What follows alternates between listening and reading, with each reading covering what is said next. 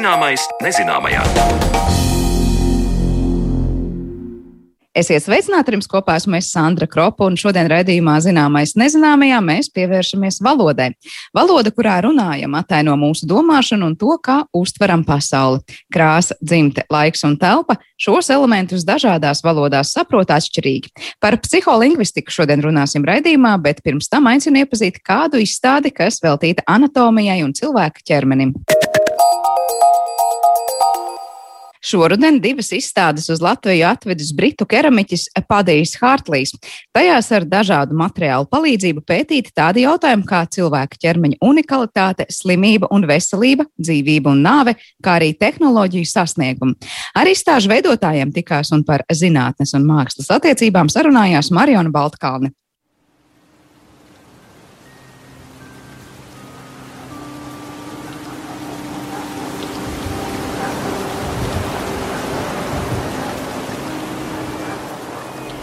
Keramikas intervence ar 99 fītiem, stāsts par magoni no jēra sirds audiem, bēru urna, kas izdaļota ar medikamentu ievadīšanai paredzētām caurulītēm.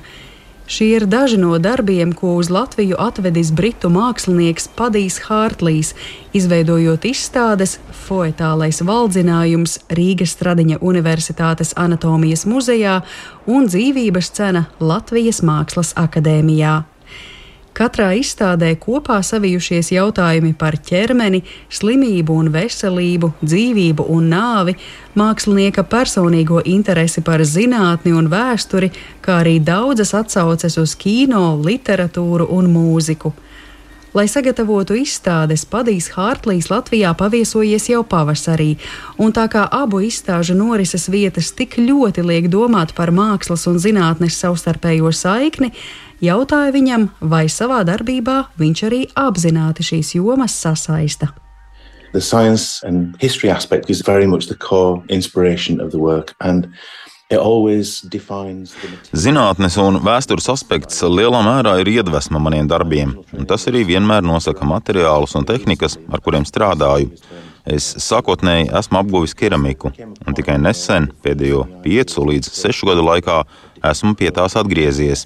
Vienkārši bija brīdis, kad noteiktu tēmu un ideju attēlošanai daudz piemērotākas šķita citas pieejas, metodes un tehnikas.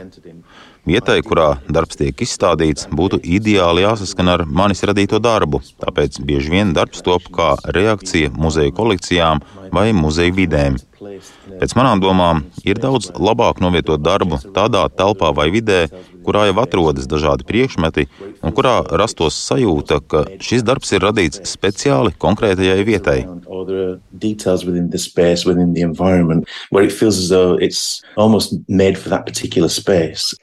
So, if we speak about uh, those two exhibitions in Riga, could you please specify the concept of both? Ja runājam par divām izstādēm Rīgā, vai jūs varētu plašāk izstāstīt to ideju? Mēs, protams, redzam daudz līdzību, bet varbūt starp izstādēm ir arī kādas atšķirības life, but maybe there are also differences. Both exhibitions, it's almost three exhibitions in one. The Cost of Life uh, exhibition at Art Academy Latvia is a touring exhibition, and the work was created. To... Tas ir gandrīz trīs izstādes vienā. Izstāde Dzīvības cena Latvijas Mākslas akadēmijā ir ceļojošā izstāde. Un tā tika radīta, lai daļēji atzīmētu farmācijas uzņēmuma Rošē 125 gadu jubileju. Es saņēmu uzaicinājumu radīt darbu, kas būtu saistīts ar farmācijas industrijas un sabiedrības attiecībām, kā arī biomedicīnas ietekmi uz sabiedrību gan vēsturiski, gan raugoties nākotnē. Līdztekus tam izstāde ir arī retrospekcija par maniem iepriekšējos 25, 30 gados radītiem darbiem, kas ļoti sakrīt ar tēmu par biomedicīnas ietekmi. Un vieta, Latvijas Mākslas akadēmijas aula ar vitrāžām un augstiem griestiem, ir vienkārši perfekti šai izstādēji, jo darbos ir daudz reliģisku atsauču. Dzīvības cena lielā mērā stāsta par citiem cilvēkiem, par viņu pieredzēm, par pacientu pieredzēm. Izstāde Foetālais valdzinājums tas lielā mērā esmu es pats. Anatomijas muzejā ir brīnišķīga kolekcija, un tas ir viens no retajiem publiski pieejamiem anatomijas muzejiem. Un atkal, anatomijas muzejā ir daži patiešām izaicinoši eksponāti. Tāpēc, lai gan muzejā ar figurāliem darbiem es ienesu savu humoru izjūtu, ir jābūt rūpīgam pret priekšmetiem, kas izvietot visapkārt. Tātad darbi lielā mērā veidoti kā atbildes reakcija muzeja priekšmetiem un eksponātiem, bet vienlaikus kā atbilde lietām, ko es pieredzēju, ieraudzīju vai izlasīju saistībā ar muzeju darba izstrādes laikā. Es vēlējos radīt izstādi, kas būtu ģimenēm draudzīga, un ir svarīgi, ka jauni cilvēki redz eksponātus un apgūst cilvēka ķermeņa darbību, bet es arī vēlējos veidot darbus, kuros izstādes apmeklētāji varētu ieraudzīt sev pazīstamas kultūras atsauces un stāstus. Šīs daudzās atsauces sarunā apstiprina arī Rīgas Stradiņa Universitātes anatomijas muzeja vadītāja Ieva Lībiete. Iespējams, vārds foetālais varētu radīt pārsteigumu, tāpat arī vārds fīti, šīs izstādes galvenie varoņi, kas jāmeklē starp muzeja eksponātiem vitrīnās, kas būs atrodami gan kā individuāli tēli, gan grupās, un kas vērsīs jūsu uzmanību uz kādu eksponātu vai vienkārši teiks paldies! Kā tad tapis izstādes nosaukums un vārds fīts, par to turpina Ieva Lībiete. Foētus no latviešu valodas tulkojot latviešu nozīmētu auglis. Respektīvi, tā paša mākslinieka doma sākotnēji radās no tāda darba, kurā viņš atainoja tādus cilvēkiem līdzīgus radījumus, tādus humanoīdus, kas īsti nav cilvēki un īsti nav arī kā embriji. Tas ir kaut kas pa vidām, respektīvi, tas cilvēku veidīgs figūriņš, kurus viņš pats nosauca par fītiem. Nu, mums Latvijas, protams, bija ļoti grūti iztulkot, tāpēc mēs atstājām šo oriģinālo latinizēto nosaukumu foetālais valdzinājums, kur atkal, protams, ir kārtējā atsauce uz populāru kultūru, jo ir arī tāda filma, fatālais valdzinājums. Tā, tā arī ir zināmā mērā vārdu spēle, fatālais un foetālais valdzinājums salīdzinājums. Mm. Kaut vai tas pirmais, pats, kur mēs ienākam un mēs redzam šos domu lasītājus, kas sazinās ar smadzeņu ģipša tādiem modeļiem. Viņi ir domu lasītāji, bet viņus sauc arī Padijs Hārtlīs ir nosaucis par mentantiem, un mentanti atkal ir tie domu lasītāji, kas, piemēram, ir filmā nesen uzņemtajā tajā romānā Kāpa. Tā kā tur ir nu, ļoti daudz sasaistes arī uz uh, populāru kultūru un uh, literatūru. Un šeit ir viens darbs, kuru mēs redzam arī uz izstādes vizuālajiem materiāliem un plakāta, kas ir atkal savukārt atsauce uz Leonardo da Vinci Vitruviju cilvēku. Jo, kad mākslinieks bija atbraucis apskatīt muzeju un domāt par to, kādus darbus viņš šeit veidos, Tad, runājot tām atslēgas frāzēm, ko viņš no mūsu kopējām sarunām uztvēra, kanatomiskā kolekcija ir brīnišķīga ar to, ka tā demonstrē cilvēku dažādību. Nu, tas ideālais cilvēks, kur mēs redzam anatomijas grāmatās, nu, patiesībā gandrīz nekad nav tas, ko mēs redzam reālajā dzīvē. Un viņš sāka spēlēties ar šo ideju par to, kas ir normāls un kas ir ārpus normas un kas ir dažāds. Līdz ar to viens no tādiem viņa domām, kas viņam pēkšņi radās, cik interesanti, ka Leonardo da Vinci mēģinot attēlot attēlot ideālo cilvēku, viņu ataino ar četrām rokām un četrām kājām. Un šie vitruvī cilvēki dažādās pozīcijās un vēl nodublējušies vēl vienreiz, kurus sauc par vītruvija cilvēkiem ar vēl vairāk rokām un kājām un dažādās atkal citās pozīcijās un citām atsaucēm ir vairākās vietās ekspozīcijā redzami. Jā, izauguši no šī atkal pirmā oriģinālā vitruvī cilvēka.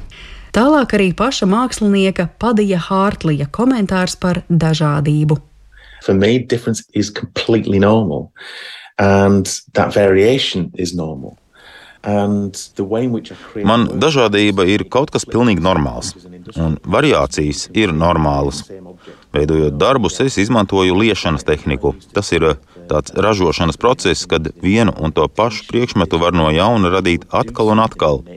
Šo tehniku es lietoju, lai radītu darbus anatomijas muzejām. Taču es apzināti mēģināju ietekmēt procesu, lai darbi atšķirtos, lai sejas, galvas un ķermeņa daļas mainītu formu vai būtu sagrozītas. Viena no manām iedvesmām bija Katrīnas Dānas grāmata Geeklove, jeb nūģu mīlestība, kas manā ieskatā ir mūsdienu pasaka par amerikāņu karnevālu. Tā lielā mērā attiecinām uz laiku ar tā saucamajiem frīkšoviem, kad cilvēki ar kādām ķermeņa nepilnībām darbojās izklaides jomā. Grāmatā stāsts ir par ģimeni, kas vada šovu un audzē unikālus bērnus, lai tie kļūtu par šovu dalībniekiem. Šie bērni sevi redz kā īpašus, un tā saucamie normālie cilvēki ar galvu, ķermeni, divām rokām un divām kājām tiek uzskatīti par mazvērtīgākiem, jo viņi nav tik īpaši. Un par šīm atšķirībām, kā normalitāte, ir jāpriecājas, jo mēs visi esam tik atšķirīgi.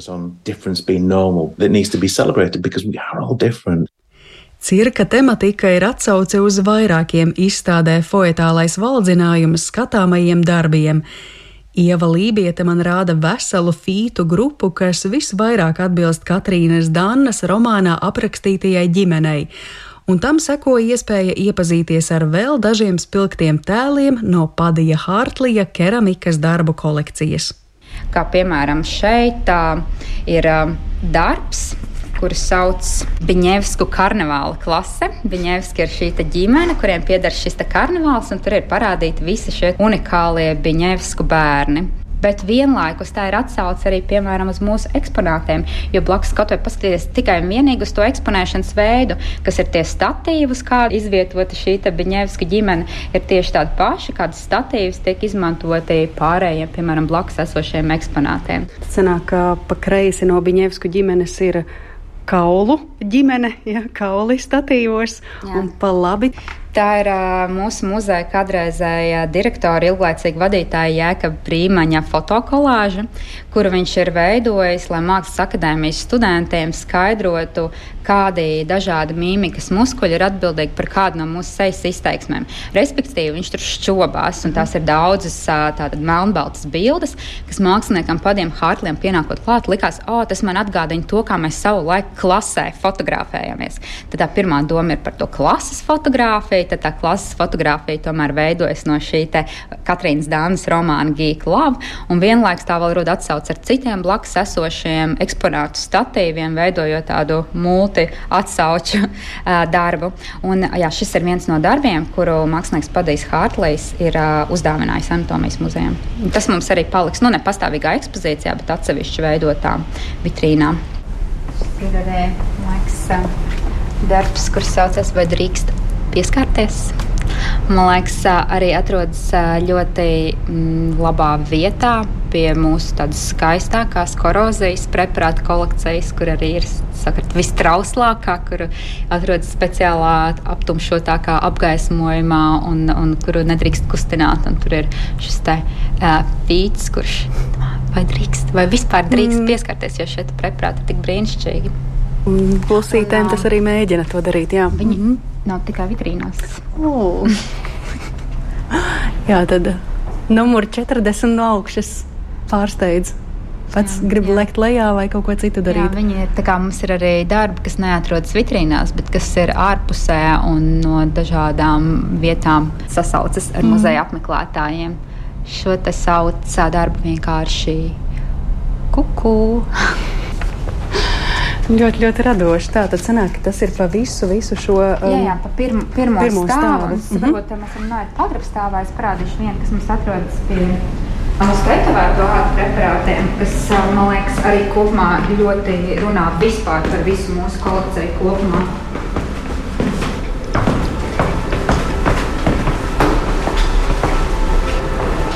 Šeit ir radīta tāda darba grupa, ko sauc āda, kuras centrā mēs redzam cilvēku veidīgo, kurš ir tāds lepni izstiepies, un viņam uz muguras ir ērgļu tetovējums, kas patiesībā ir tetovējums, kurš rotā mākslinieka padīja Hartley tēvu muguru. Vēl viena atsauc. Un tad ir apkārt viņam daudzi abrīnotāji, un viens jau arī ir atnācis ar rāmīti, un vienam rokā ir maziņš nazītis, jo viņi acīm redzot gatavojuši šo te tetovējumu oriģinālo mākslas darbus, cilvēku ķermeņa izgriezt un padarīt par muzeja objektu. Tur ir atsauce arī uz Roalda Dāla noveli, ko sauc Āda, kur tieši ir šāds stāsts apskatīts, ka kāda vīrieša sievai ir tetovējums no kāda mākslinieka, kurš kļūst aizvien, aizvien slavenāks, un līdz ar to tas tetovējums uz tās sievas ķermeņa iegūst aizvien lielāku vērtību.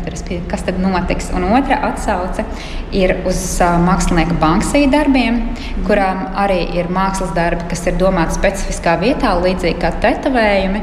Savukārt, kaut kādā brīdī tie mākslas darbi no tās savas specifiskās vietas tiek izgriezti un pārvērsti par muzeja objektu un ielikti galerijā.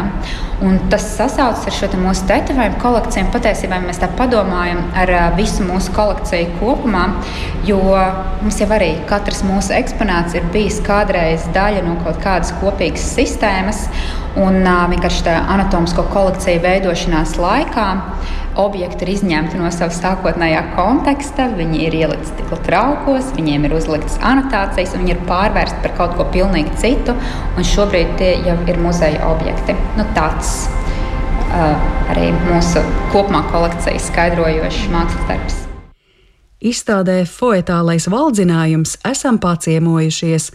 Arī Padijam Hārtlijam lūdzu komentēt kādus no viņa prāt spilgtākajiem darbiem un šajā gadījumā pārceļamies uz Latvijas Mākslas akadēmijā aplūkojamo izstādi Dzīvības cena, kur skatītāji var iepazīties ar video darbu par kādu ļoti īpašu magoņu tapšanu, kā arī darbu, kam labāk nepieskarties. The poppy work, Papava Roheus, was probably the most challenging piece of work that I've ever made. Darbs ar magoni visticamāk ir viens no izaicinošākajiem, kādus jebkad esmu radījis. Es sāku pamanīt, ka magone, kas Lielbritānijā ir piemiņas simbols, bija kļuvusi par kaut ko politisku. Tā atspoguļoja ideju, ka tev jābūt pamanāmam kā aktīvam piemiņas paudējam. Man piemiņa ir personiska, tā ir iekšēja. Es vēlējos radīt kaut ko, kas magoni atgrieztu pie tās pirmsākumiem, Domājot par Kristu kā dieva jēru, upurjēru, nokaušanai paredzētiem jēriem, šķita loģiski izmantot dzīvus audus, jēra sirds audus. Un ideja bija tāda, ka pats darbs kļūst par atmiņu. Tas tika radīts, lai sadalītos laika gaitā, tāpēc tas saglabātos tikai to cilvēku atmiņās, kuri to būtu redzējuši. Magones ir tik gaistošas, un parasti tās zied izrakņātā augsnes kārtā, piemēram, tranšeju vai artērijas šāviņu tuvumā. Kad zeme ir izrakņāta, tas sekmē magoņu ziedēšanu, un tāpēc kaujas laukos noteiktos gada posmos būs atrodams magonis. Protams, magoņu sarkanā krāsa ir simbols asinīm, un magonis ir ziedi ar tik īsu mūžu, tie ir tik smalki, tāpēc Lielbritānijā un sadraudzības valstīs tie kļuvuši par ļoti spēcīgu piemiņas simbolu.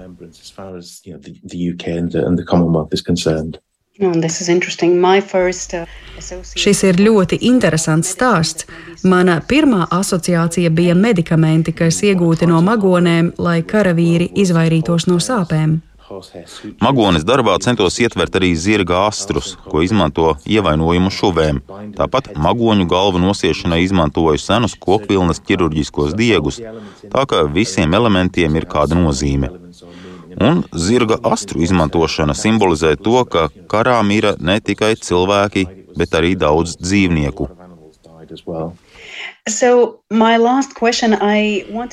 Pēdējais jautājums attiecas uz mūsu tikšanos aprīlī, un toreiz jūs minējāt, ka vēlaties, lai jūsu darbi nebūtu skaisti, lai tiem nepieskartos. Gribēju zināt, kāpēc tā? Vai tā ir atsauce uz Covid-19 pandēmiju, kad mēs nevarējām pieskarties citiem cilvēkiem, vai arī tā kopumā ir pieeja jūsu mākslā?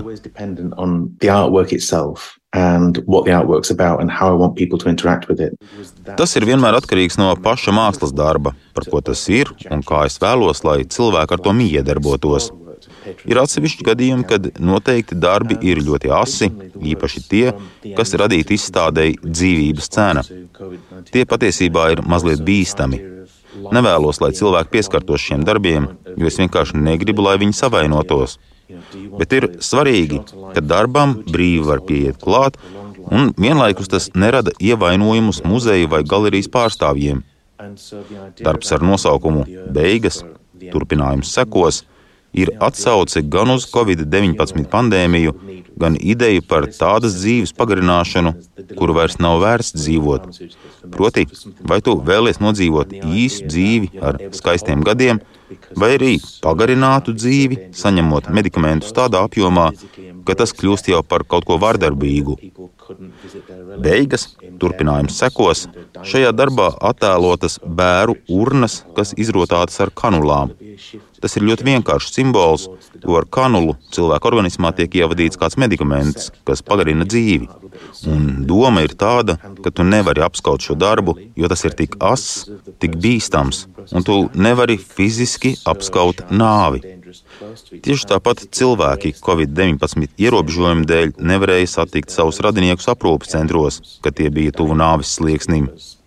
Būtu nepieciešams izmaiņas mūsu attieksmē pret miršanu un pret to, ka nāvi iemācāmies uztvert kā dzīves sastāvdaļu, izturoties pret to ar cieņu, primāri respektējot mirstošā cilvēka vēlmes.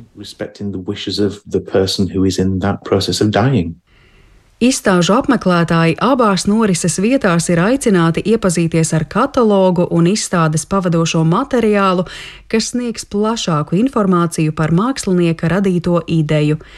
Taču vienlaikus katrs pats var mēģināt uzminēt darbos ietērptās vārdu spēles un veidot savas asociācijas.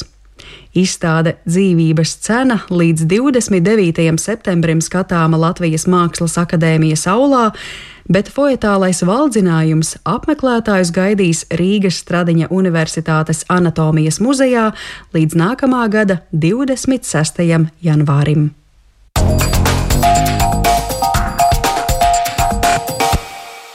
Par izstādēm Rīgas Tradiņu Universitātes anatomijas muzejā un Latvijas Mākslas akadēmijā stāstīja Marijana Baltkalne, bet raidījuma turpinājumā uzzināsim, kā psiholoģija un lingvistika satiekas nozarē, kurā pēta to, kā lietojam un uztveram valodu.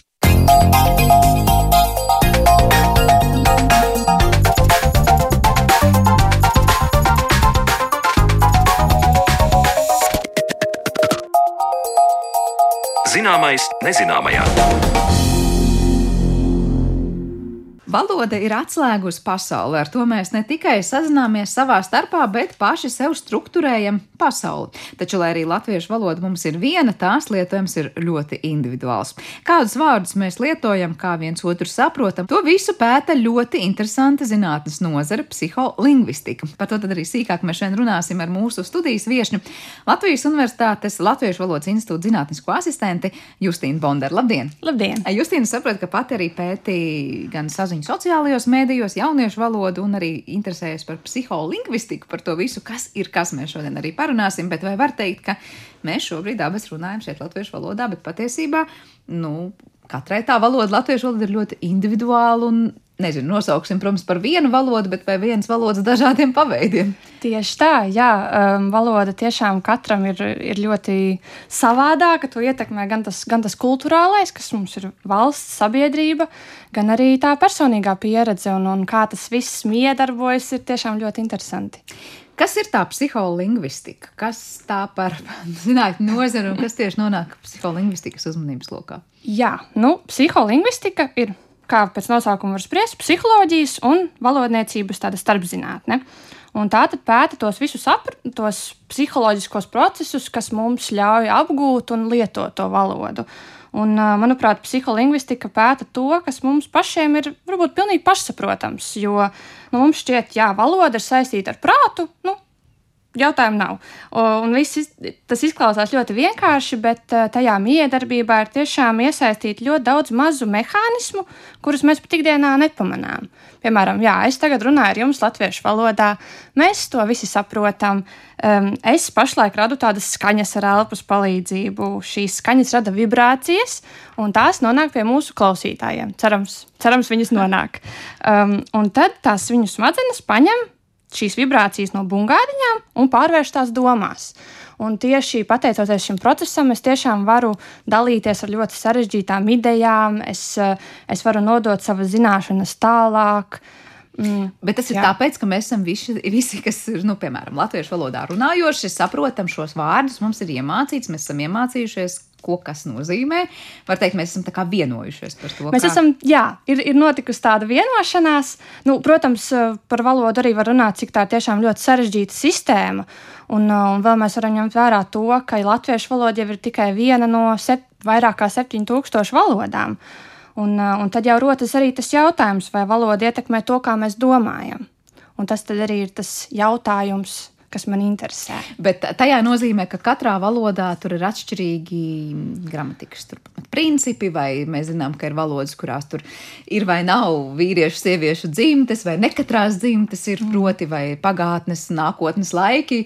Tās ir tās lietas, par kurām tiek runāts, vai vairāk par to procesu, ko minējāt, tad, kad bungādiņas pārvērš tās vibrācijas nu, tā, un skaņas domās, kā mēs katrs emocionāli uztveram vārdus, ko sadzirdam. Jā, nu, es domāju, tas ir tas viss kopums, jo katrs pētnieks jau var izvēlēties, ko viņš vēlas vairāk pētīt, jo uh, zem tās psiholingvistikas ir, ir gan tie, kas vairāk pēta tos smadzeņu procesus, Eh, bet ir arī tieši valodnieki, kas pēta tos vārdus, eh, kādas ir atšķirības eh, skaņās, alfabētā, valodu struktūrā. Un, un, um, jā. Runājot par latviešu valodu vai psiholingvistam, ir interesanti skatīties, nu, kā mēs domājam, tie, kuri runā latviešu valodā.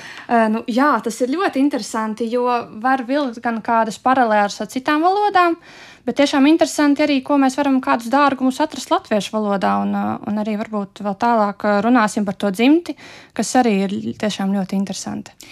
Par dzimti runājot, ja latviešu valodā mums ir vīriešu sieviešu dzimta, vai tas kaut ko pasaka par to, kā mēs domājam, salīdzinot ar citām valodām, kur, nu, protams, ir varbūt, kur šo dzimtu nav, vai arī kur ir šī nekatrā dzimta? Jā, tā dzimta ir tiešām ļoti interesants aspekts, kas ļoti ietekmē mūsu uztveri, un mēs par to īsti varbūt neapzināmies arī. Jo es par šo sarunu domājot, padomāju par multfilmām, kādas mums ir. Un tā pilnīgi nav sakritība, ka ir tāda multfilma Zelta sietiņš, un ir saule un mēnesis. Un saule ir meitene, un mēnesis ir zēns. Un tas ir tiešā saistībā ar mūsu gramatisko dzimti, jo saule ir sieviešu dzimtē, mēnesis vīriešu. Um, un tad es tā padomāju, ja šī multfilma būtu radīta Spānijā, tad tas būtu pilnīgi otrādāk. Um, arī citos tēlos pasaka mums vienmēr ir sieviete, um, tāda ļoti gādīga, mīloša, un, un, jā, un, un tieši to efektu, ko rada šāds gramatiskās dzimtas sadalījums, arī pēta psiholingvistika, pēta tā lingvistiskā relativitāte, kas arī ir viens no jautājumiem. Kas ir lingvistiskā relativitāte? Jā, skan ļoti sarežģīti. skan sarežģīti, bet tas arī ir tas sākuma jautājums. Vai um, tā mūsu valoda ietekmē mūsu domāšanu? Un tas uh, lingvistiskās relativitātes pieņēmums ir, ka jā, tā vai nu nosaka, vai vismaz ietekmē uh, šo mūsu domāšanu un pasaules uzskatu. Um, Un, un, jā, nu, tas ir saistīts ar mūsu visu pasaules, pasaules uztveri. Bet tajā brīdī, kad uh, latviešu valodā mēs sauli sauksim par sieviešu dzimtu, un droši vien mums liksies, ka tas ir kaut kas tāds mīļš, gādīgs, silts un labs. Uh, protams, es uh, pieminējāt spāņu valodu, es atcerējos arī grieķu valodas realitāti, kur arī saule ir vīriešu dzimts vārds, un tur pat tādos mīļvārdiņos nu, nekad nevarētu mm -hmm. iedomāties, ka kāds kādu nosaukt tur saulīt. Mm -hmm. uh, jo tas izklausās kaut kas ļoti, varbūt pat spēcīgs, skarbs un tāds, jā, jā, nu, jā, jā. maskulīns pat ļoti. Mm. Uh, Ko, ko mēs tālāk iegūstam? Nu, labi, lingvistiskā relativitāte pateiks, ka mm, spāņu valodā runājošie par sauli domās citādāk nekā latviešu valodā runājošie. Un tālāk. Nu, es domāju, ka tas tālāk jau turpinās tādos tiešām dzimtas arī stereotipos. Jo arī es varu minēt vēl dažus piemērus, ne tikai lai, lai nav saule un mēnesis, bet uh, vēl kādu. Piemēram, ja mēs eh, jautāsim vācietim aprakstīt tiltu, kas vācu valodā ir sieviešu dzimtē, ir ļoti liela iespējamība, ka viņš izmantos tādus vārdus kā elegants, skaists. Spānis atkal teiks, nu, tilti ir spēcīgi, stingri, nelokāmi. Um, un tad tiem varbūt um, bērniem, kas arī šādā valodā uzaug, kur ir šī, šis sadalījums, viņiem nav iemesls uzskatīt, ka tā gramatiskā dzimta nav svarīga. Viņi domā, ka tas ir pilnīgi loģiski, ka tas ir uh, visās uh, valodās universāli. Uh, Un tad uh, rodas kaut kādi tomēr uh, priekšmetu parādību stereotipi, kas tad jau tālāk, es domāju, iet arī sabiedrībā. Mēs tagad runājam par dzimtēm, un uh, jā, arī par skaitļiem droši vien varam parunāt un laikiem. Kā ir ar krāsām vai tas, kā mēs lietojam dažādu krāsu apzīmējumus, ir arī psiholingvistikas pētāmo jautājumu lokā? Jā, jā, krāsas arī ļoti interesants temats. Jo krāsas, kā es pirms tam to domāju, nu, mēs visi redzam krāsas, šķiet, ka viss tiešām ir vienāds. Nu, nu, krāsas jau nu gan katrs laikam redz mazliet atšķirīgi. Ja? Jā, bet, bet nu, Lielās šķita minās. nosaukumi mums ir. Nu, tas arī šķita tāds universāla, universāla lieta. Mums un latviešu un angļu valodā ir tātad 11 pamatu krāsu nosaukumi. Nu, šīs sarkanas, zaļas, zeltainas, ko mēs varam pateikt vienā vārdā, tādas galvenās krāsas. Bet Tas nebūtu tā nav visās eh, pasaules eh, valodās. Ir valodas, kurās ir tikai divi vai trīs nosaukumi. Eh, un ir tāda Danija valoda, kuru runā Jaungvinējā, un tur ir nošķirta tikai divas krāsas. Milī ir tādiem tumšiem toņiem un mola gaišiem. Uh, un tas nenozīmē, protams, ka šīs valodas lietotāji neatšķirs viltu no zaļa, bet tas kaut ko pasaka par viņu kultūru Un tas pasaka mums, ka viņiem nav bijis vajadzības nošķirt vairāk šīs krāsas. Viņi varbūt eh, dabā vēlas nošķirt to, kas atrodas fonā, kaut kas tumšs, kaut kas zaļš, un vēlas nošķirt to, kas viņiem parādās tūmā. Kaut kādi siltāki toņi, kas būtu cilvēks, kāds ēdiens, varbūt bīstams dzīvnieks. Mm, tā kā šeit atkal būs runa par to kultūras devumu, gan arī to, ko tieši valoda, valodai vajadzīgs eh, izteikt. Tas mums ļoti arī atšķirās. Līdzīgi laikam arī par krāsām runājot, nu, parasti mēs piesaucam apstākļi, kādos cilvēki ir dzīvojuši, arī tur eskimos vai kas, ka viņiem, mm -hmm. laikam, bija cik tur to nosaukumu baltai krāsai. Ļoti ja? daudz, jā, jā. Viņi arī nu, fiziski spēja izšķirt tās nianses. Tas ir tāds balts, un tas ir citāds balts. Mm, es nezinu, latviešiem, kas varētu būt eh, zaļu, dažādu krāsu nokrāsas, sunu zaļš, salātu zaļš. Jā, nu, šeit es varbūt varu minēt eh, ne no latviešu valodas, eh, bet krievu valodā arī ir, eh, ja nemaldos, tumši eh, zils ir siņī un gaiši zils ir goloboji. Eh, un arī pētījumos tas tiešām bija pierādīts, ka bija paņemti angļu valodas runātāji un krievu valodas runātāji un parādīti viņiem trīs kvadrātiņi, divi gaiši zili un viens mazliet, mazliet tumšāks. Un izrādās, ka tā valoda palīdz arī atšķirt, jo krievvalodīgie daudz ātrāk atšķīra šos, šīs krāsu nianses. Tā kā ja valoda tev to iemāca, tad tu to tiešām spēj darīt daudz efektīvāk. Ieraudzīt, jā, jā, lai, gan, jā. lai gan, nu, protams, arī angļu valodā var pateikt gaiši zils. Jā. jā, bet tie būs atkal divi vārdi. Tur tā nianses tomēr pazūd. Tas, tas ir interesanti. Tad ir jā, svarīgi, jā. lai nebūtu viens un tas pats vārds ar nozīmi ļoti jā, vai jā, maz gaišs vai tumšs, bet kaut kas pilnīgi citādāks. Jā. Kā ir ar tām uh, laika lietām? Es saprotu, mums latviešu valodā, protams, tas ir loģiski, ka ir pagātne, ir tagadne un ir nākotne. Uh, Ir valodas, kurās ir ļoti detalizēti izvērstas dažādas pagātnes Jā. un dažādas nākotnes, un savukārt ir valodas, es saprotu, arī tepat mums ir igauņu valoda, kaimiņos, ja kur nav nākotnes formas. Vai... Nav. Jā, neatceros, Tur... viena no tām noteikti nav, kas izklausās ļoti savādi. Jā, tās laika atšķirības arī ir ļoti interesantas. Um, jo tas parādās ne tikai varbūt pagātnes, tagadnes, nākotnes formās, bet eh, ko pēta lingvistiskajā relativitātē, ir vispār kā mēs runājam par laiku arī tādā metaforu ziņā. Ehm, kā mēs runājam, kad ir pagājis kāds slikts notikums, piemēram, tas viss ir aiz muguras. Vai domājot par nākotni, nu, eh, skatīsimies uz priekšu. Kā mēs domājam par laiku, par tādu telpu, par kaut ko, ko mēs varam pārvietot. Uh, Um, tas arī um, bieži vien ir saistīts ar uh, rakstības virzienu. Um, un ir arī pētījumi, piemēram, um, mēs. Uh, nu, Mums noliktu priekšā trīs dažādus attēlus. Cilvēks, kur viņš ir bērns, pusaudzis un pieaugušais. Un kā tad mēs sakārtot šos attēlus? Um, piemēram, latviešu valodā un angļu valodā runājošie sakārtot tos no kreisās uz labo, jo tā arī mums, tā mēs rakstam, tā mēs izjūtam to laiku. Um, bet Ir atkal citas kopienas, citas tautas, kas to darīs otrādi. Piemēram, arābu valodā rakstība ir otrādi, arī viņi to darīs otrādi. Mm, Tas, tas, jā. Bet viņi tāpat domās tajās kategorijās, nu, pagātne, tagadne, nākotne. Jā.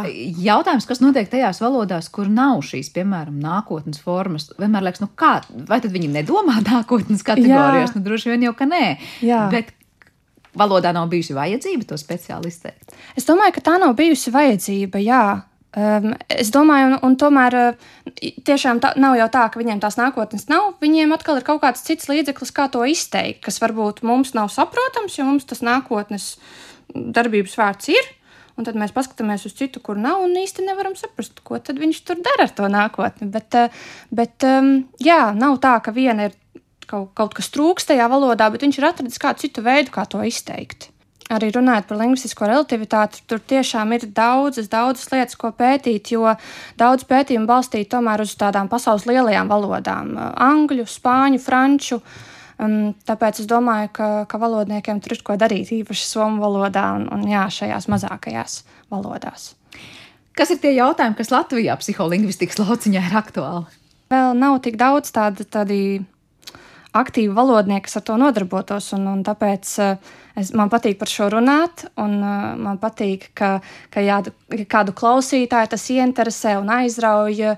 Jo jā, latviešu valodā ir tiešām, manuprāt, daudz vēl ko pētīt, un, uh, un ir varbūt tādi dārgumi, kas mums vēl nav atrasti. Un, kad es iedomājos par varbūt tādām valodas īpatnībām latviešu valodā, uh, Un tagad atkal ņemam piemērus no citām valodām, bet ir šie te uh, netulkojamie vārdi, kuri, piemēram, vācu valodā ir kāds vārds vienā vārdā. Um, mēs iedomājamies, um, nu, es zinu tādu fernvē, kas ir ilgas pēc vietas, kurā tu nekad neesi bijis. Latvijas šo vārdu nevaru pateikt tā. Uh, bet arī noteikti ir kaut kas latviešu valodā, ko mēs varam parādīt pasaulē un, un uh, kāds viens vārds, un, un tad paskatīties, kāpēc mēs šādu esam izveidojuši, kāda ir bijusi tā vajadzība. Mm, tāpēc um, tas, tā valodas, uh, latviešu valodas saglabāšana un, un pētīšana ir ne, nevis tikai tāds uh, nacionālās identitātes jautājums, bet varbūt mēs tur atrodam tiešām kādas īpatnības arī to, kā mēs domājam. Kas šobrīd, es nezinu, protams, jau daudz nav izpētīts, tur arī secinājumi nav tādi skaļi un varbūt tālajoši, bet tomēr nu, kaut kādās galvenajās līnijās kaut kādas hipotēzes kas latviešu valodā varētu būt tāds, kas nu, ļoti izteikti iezīmē kaut kādu mūsu domāšanas veidu, vai kāpēc tieši tā mēs runājam un ne citādi? Hmm. Es domāju, ka tā pati dzimte varētu daudz ko atklāt, jo tā mūs tomēr nošķir no tādas valodas kā angļu valoda, kurai šis šķīrums nav. Um, bet es domāju, arī daudzās līnijās mēs varētu velkt atkal paralēlus ar citām indoeiropiešu valodām. Uh, Tā kā tas ir tiešām jautājums, eh, cik dziļi mēs vēlamies eh, kaut ko atrast un, un cik dziļi mēs vēlamies meklēt. Um, jo tas jau arī ir. Eh, tas daudz ko izskaidro par, par to, kā latviešu valoda radusies, ja mēs atrodam kādas paralēlas ar, piemēram, lietuviešu valodu. Un, um, Un es arī iedomājos par apvidvārdiem, par ko arī Latvijas institūts pašlaik ļoti aktīvi domā par apvidvārdu talku. Un es domāju, jo tiešām ir tik daudz vārdi kādam vienam objektam, vienai, vienai parādībai, ko var uh, skatīties uh, kurzemē, vidzemē, zemgalē, pilnīgi savādāk nosauc. Un tad uh, būtu varbūt interesanti skatīties arī šajos novados, kāpēc viņi radīs šādus vārdus, no kā tie ir cēlušies, un arī kā varbūt tas ietekmē to, kāpēc viņi izvēlas šo un, un ne to otru vārdu. Vai psiholingvistikas lauciņā ir arī tas, kāpēc vārdi savā izcelsmē ir tādi un citādāki? Proti, vārdu izcelsme ir kaut kas, kas nāk tālāk un palīdz skaidrot lietas, vai tas ir mazliet cits nozara, un tur psiholingvisti neiedziļinās. Tur laikam būs mazliet cits lauciņš, to mēs atstāsim vēsturiskiem valodniekiem. Um, bet iespējams, ka latviešu valodā par šiem pašiem apvidvārdiem varbūt tur tomēr kaut kas ir. Par to vajag domāt. uh, saprotu, tā ir Cik sena vai jauna nozara, kā pētniecības nozara Latvijā, pavisam noteikti es jūtu, ka tā ir tikai mm. nu, savos sākumos un pirmos soļus spēr. Kā kopumā par psiholingvistiku ir kādi nu, tādi lielie vārdi vai lielie notikumi, kurus noteikti jāpiemina. Nu, cik sen ir domāts par to valodu no tādas as aspekta? Nu, es teiktu, 20. gadsimts bija apmēram tad, kad sākās uh, tā interese. Um, par šo te. Pr protams, um, kaut kādi citāti, kādas atziņas par to, uh, kā tā valoda saistīta ar prātu, ļoti jau seni. Ir uh, čehu sakām vārdi, kur jauna valoda dod tev jaunu dvēseli. Tur mēs varam atrast ļoti senas tādas saknes, bet uh, tieši runājot par to, kā zinātnē, es teiktu, pagājušais gadsimts mm, sāka par to vairāk domāt, vairāk pētīt tās atsevišķas valodas.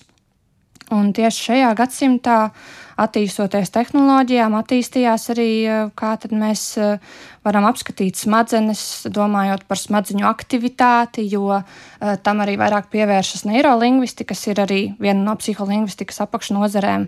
Tad viņi skatās uz tām smadzeņu aktivitātēm, viņi mēra um, acu kustības, kā mēs skatāmies uz vienu vārdu uz otru, kā mēs reaģējam, to, izmēra to laiku. Proti, tajā brīdī, kad mēs runājam, kā mēs uzvedamies. Jā, jā um, gan kā mēs, uh, kad, kad, jā, īpaši ar to, kad, kad runājam.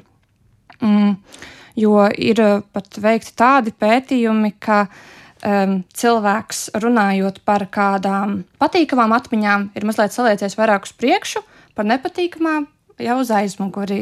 Tā kā ir Daudzas neapzinātas lietas, jā. Kā ir ar to slaveno, es nezinu, melo, nemelo, tur eh, acu zīlītes mainās vai nemainās, ir kaut kādas arī, nu, tas varbūt mm, nav psiholingvistikas, mm, lai gan mm. varbūt arī ir psiho vai neirolingvistikas lauciņā, vai to, vai mēs skatāmies tur augšējā labā vai kreisā stūrī, kad par kaut ko domājam vai mēģinam atcerēties, kāpēc tā?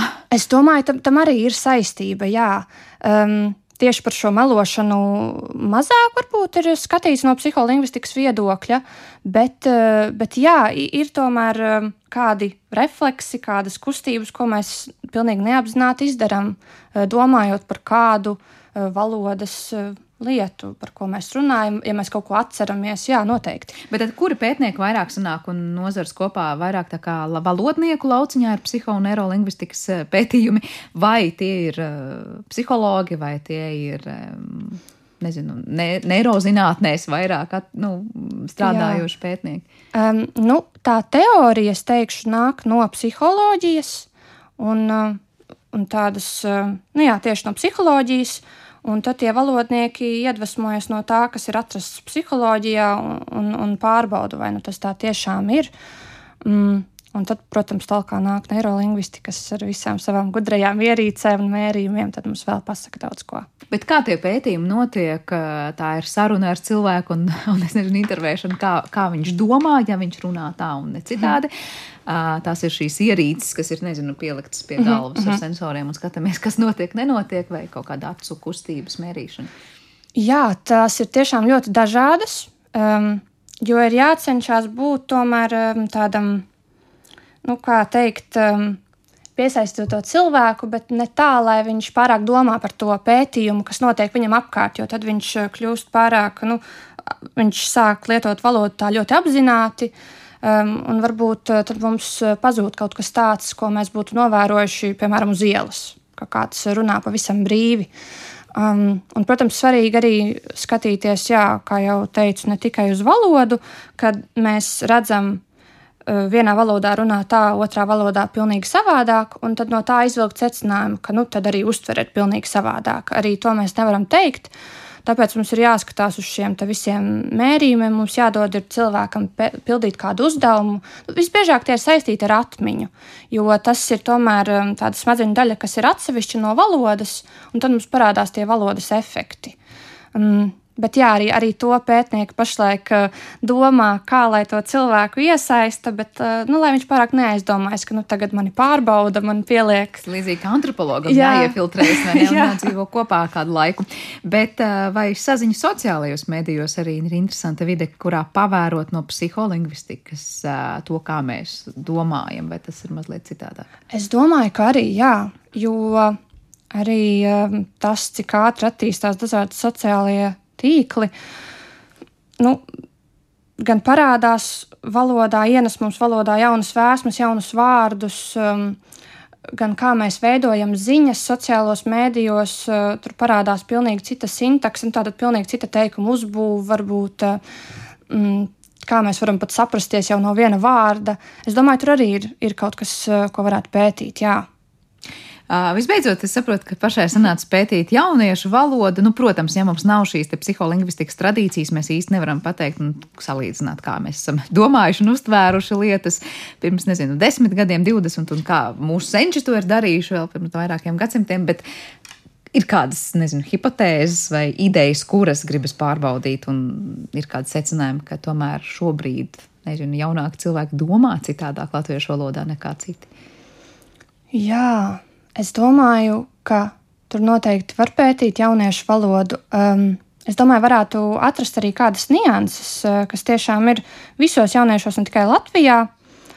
jo tas ir noteikti saistīts ar, ar viņu psiholoģiju, ar to, kā viņi uzauga, ar varbūt to, ko kultūra sagaida no jauniešiem.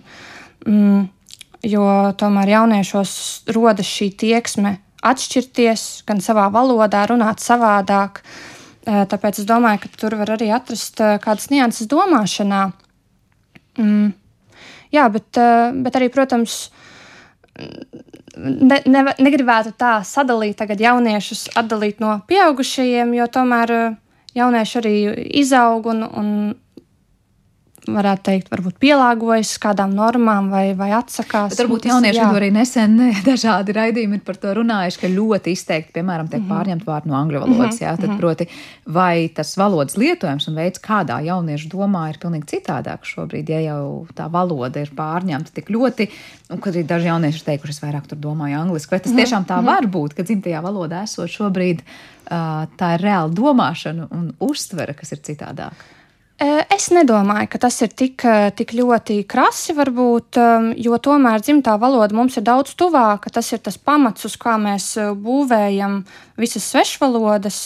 Tur varētu būt varbūt, nopietna miedarbība, kad mēs izvēlamies vārdus, vai ja mēs nevaram atcerēties kādu vārdu, mēs pasakām to, piemēram, angļu valodā. Bet es nedomāju, ka tas aiziet līdz domāšanai, jo tomēr jaunieši apzinās, ka viņi lieto svešvalodu, un tad, eh, jā, varbūt tas uztver tik ļoti nemaina. Tad tas varbūt ir pieredums vai nu, jā, nezinu, iespēja atrast tuvāko Tieši vārdu, tā, kas jā. varbūt ir nesen dzirdēts vai kas liekas nu, skaisti lietojams. Tikko izskanēja tā doma par to, ka mēs uz dzimtās valodas bāzes veidojam to, kā apgūstam svešvalodas. Es pieņemu, ka tas arī ir ļoti interesants uh mhm, -huh, pētījuma lauks. Uh -huh. Vai par to ir kas zināms, kā piemēram vienu un to pašu svešu valodu mācās latvietis? Nu, protams, cilvēks, kuram dzimtā valoda ir latviešu valoda vai spāņu valoda vai kāda cita nu, to pašu angļu valodu. Jā, tas, tas arī paliek ļoti populārs temats, jo sākumā psiholingvistika vairāk pievērsās dzimtajai valodai, kā bērns to iemācās, kā viņš apgrūst to gramatikas sistēmu, kā viņš iemācās saziņu, bet arī vairāk mūsdienās ienāk, protams, svešvaloda apguve, un, un arī, jā, psiholingvistikas ļoti, ļoti interesē, kas ir tas pamats, kā tā viena valoda ietekmē to nākamo. Un, um, un ir arī bijuši pētījumi, kur um, uh, varbūt tā svešvaloda ietekmē mūsu lēmumu pieņemšanu, jo ir, ir pierādīts, ka dzimtā valoda mums ir tuvāka, tāpēc kādi izteikumi, kādas mīlestības izpausmes, uh, mēs uz tiem reaģējam tā emocionālāk nekā otrajā valodā. Jo šī otrā valoda ļauj mums būt tādiem analītiskākiem, un viņa ļauj mums drusciņi um, pakāpties uz atpakaļ, paskatīties uz situāciju tā objektīvi. Tad vairāk emocionāli mēs reaģējam uz visu, kas tiek teikts vai ko mēs lasām. Jā. Klausāmies dzimtajā valodā, Jā. nevis otrajā vai trešajā svešu valodā. Jā, tā, tā, tā tad uh, mēs varam paskatīties tiešām vēl, kā tas notiek no psiholoģijas viedokļa, bet jā, tas man paši ļoti pārsteidza, kā pat mūsu lēmumi, mēs varam pieņemt citus lēmumus, ja mēs domājam vai lasām kādu tekstu citā valodā. Jā. Jā, tas varētu būt tiešām ļoti interesanti un interesanti, kādās situācijās tas nospēlē kādu izšķirošo lomu, bet par mācīšanos vēl prātā nāk, nu, nozīmē, ko nozīmē mācīties to pašu angļu valodu. Uh, nezinu, kādam indoeiropiešu valodas runātājam, mm -hmm. un, piemēram, ķīniešu valodā runājošam cilvēkam, kur liekas nu, ļoti atšķirīga tā valodas sistēma, no kuras cilvēks sāk mācīties to angļu valodu. Vai mēs varam teikt, ka iemācīties svešu valodu vienam ir vieglāk, otram ir grūtāk? Mm, es domāju, savā ziņā varam, jo, jo tiešām tas, eh, cik ļoti mums tā dzimtā valoda ir tuva un, un kā mēs esam pieraduši pie, pie šīs gramatiskās sistēmas, tas, tas arī ietekmē to. Eh, jo arī no pa, pašas pieredzes, kad, eh, kad sāku mācīties angļu valodu, bija interesanti, ka tur viņiem nav šīs dzimtas, viņiem nav vajadzīgs šis dalījums. Tas, tas, bet, bet arī vai tas ir daudz grūtāk, varbūt tas kāda lieta var pārsteigt. Bet arī nevajadzētu tam, tam kā teikt, biedēt no jaunas valodas apguves, jo atkal varbūt kādā citā aspektā būs daudz vienkāršāk. Un tas viss beigās izbalansējas, manuprāt. Bet nu, tas, piemēram, izstrādājot kaut kādu metodiku, kā apgūt svešu valodu, mm -hmm. droši vien ir atšķirīgi. Varbūt katrai, nu, varbūt ne gluži katrai valodai, bet lielākām valodu grupām. Mm -hmm. uh, liekot punktu mūsu sarunai, vēl ne, ne, nedaudz par to, kā noskaņojums un arī fizioloģiskais stāvoklis un līdzinējā pieredze ietekmē to, kā valodu mēs lietojam. Vai tas vairāk ir attiecināms uz mūsu pašu dzimto valodu, proti, ka tas, kā mēs jūtamies, ietekmēs to, kā mēs runāsim savā dzimtajā valodā? Um, es domāju, ka jā. Um, tieši... Kuros aspektos? Nu, runājot par, par pieredzi un valodas zināšanām, tas tam arī ļoti liela loma. Um, varbūt ne tik ļoti emocionālais stāvoklis un, un tāda loma, tas būs vairāk jautājums tiešām psihologiem. Um, bet runājot par kādām valodas zināšanām un, un pieredzi paša, nu, mēs varam paņemt vienkāršu piemēru, uh, iedomājieties suni. Um, kāds no mums iedomāsies labradoru, jo tas viņam šķiet tāds, tāds ideālais, prototipiskākais suns. Uh, Eh, cits iedomāsies Haskiju, jo viņš varbūt ir bērnībā tādu uzaudzis. Ja mēs to ied liksim iedomāties bērnam, viņš varbūt iedomāsies skubīdu. Mm, tāpēc arī pieredzē ir ļoti, ļoti liela loma, um, ka, ko mēs iedomājamies, dzirdot par kādu, kādu jēdzienu, ko mēs iepriekš esam pieredzējuši. No tāda aspekta varbūt to varētu uztvert par eh, savādāku uztveri. Uh, un par tām pašām valodas zināšanām, nu šeit atkal var runāt par divvalodību, um, kā jaunas valodas zināšanas mums uh, liek domāt par valodu un tās miedarbību. Tad arī droši vien uh, nav brīnums, kāpēc tiem, kuriem izteikti ir divvalodība, dažkārt sanāk izveidot vārdus, nedomājot, Jā. kas ir salikums no abām, un tas kaut kas pilnīgi citu nozīmi iegūstoši. Paldies par sarunu, Justīna Bondara, tātad Latvijas Universitātes Latviešu valodas institūta zinātniskā asistents. Šodien mums bija ciemos un pastāstīja par to, kas īsti ir psiholingvistika un lingvistiskā relativitāte. ļoti sveši, varbūt un sarežģīti jēdzieni, kas patiesībā ir par to, kāpēc nosaucot vārdu suns, mēs katrs iedomāsimies pavisam citu ainu. Paldies par šo sarunu un atliek tikai cerēt, ka psiholingvistika arī Latvijā atradīs dzirdīgas ausis Un par dažādiem ar to saistītiem aspektiem mēs vēl nākotnē parunāsim. Šo raidījumu producēja Paula Gulbinska, par mūziku gādāja Girds Bišs, skaņu režijā bija Kristīna Dēle un studijājusi Sandra Kropa un vēlot visiem jauku dienu no jums atvedos līdz rītam.